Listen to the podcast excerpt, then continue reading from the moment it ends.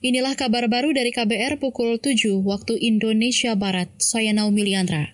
Presiden Joko Widodo meminta kasus kegagalan Indonesia menggelar Piala Dunia U20 dijadikan pelajaran agar kasus serupa tidak terulang lagi di masa depan. Pernyataan itu disampaikan Jokowi beberapa hari setelah FIFA mencoret Indonesia sebagai tuan rumah Piala Dunia U20. Menurut Jokowi, proses Indonesia menjadi tuan rumah sangat sulit. Karena apa pun itu sudah sulitnya, sangat sulit sekali untuk bisa menjadi tuan rumah itu. Yang mengajukan, bukan satu, dua, tiga, puluhan negara mengajukan. Dan kita juga ikut mengajukan, lobby sana, lobby sini menyampaikan apa, kesiapan infrastruktur dan fasilitas-fasilitas kita.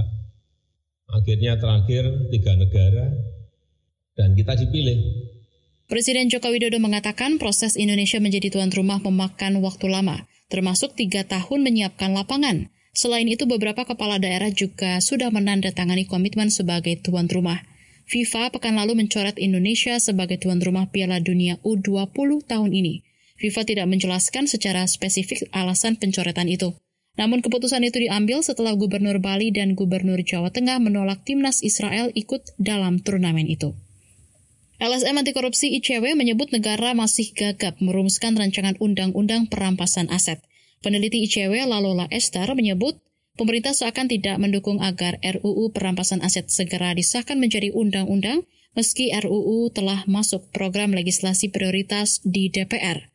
Lalola mengatakan undang-undang perampasan aset penting untuk menekan korupsi atau kejahatan lainnya di bidang ekonomi sebenarnya negara itu masih gagap. Jangan sampai kemudian hal ini dibiarkan sehingga pembahasan dan uh, pengesahan RUU perampasan aset akhirnya diundur lagi, diundur lagi gitu. Kalau misalnya memang bicara soal penegakan hukum tidak mau terlalu heavy di pemidanaan badan, pemenjaraan, uh, ya tentu harus dimaksimalisasi pemanfaatan uh, regulasi uh, yang terkait dengan perampasan aset. Peneliti ICW Lalola Esther menambahkan, dari pemantauan ICW terkait vonis kasus korupsi, hanya 12 terdakwa dari 1.400 terdakwa korupsi yang dikenakan Undang-Undang Tindak Pidana Pencucian Uang TPPU. Sebelumnya Menko Polhukam Mahfud MD mendesak DPR agar RUU perampasan aset segera dibahas dan disahkan. Desakan itu disampaikan setelah ada temuan 349 triliun rupiah transaksi mencurigakan di lingkungan Kementerian Keuangan. Kita ke olahraga dari kompetisi sepak bola. Klub Italia AC Milan mempermalukan tuan rumah Napoli dalam laga lanjutan Liga Serie A Italia. Napoli yang kini ada di puncak klasemen sementara Serie A justru kebobolan 4 gol tanpa mampu membalas hingga akhir pertandingan.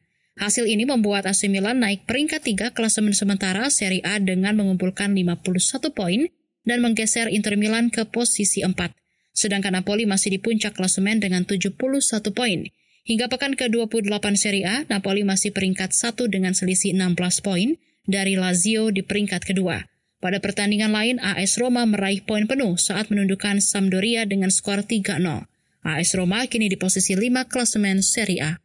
Demikian kabar baru saya, Naomi Liandra.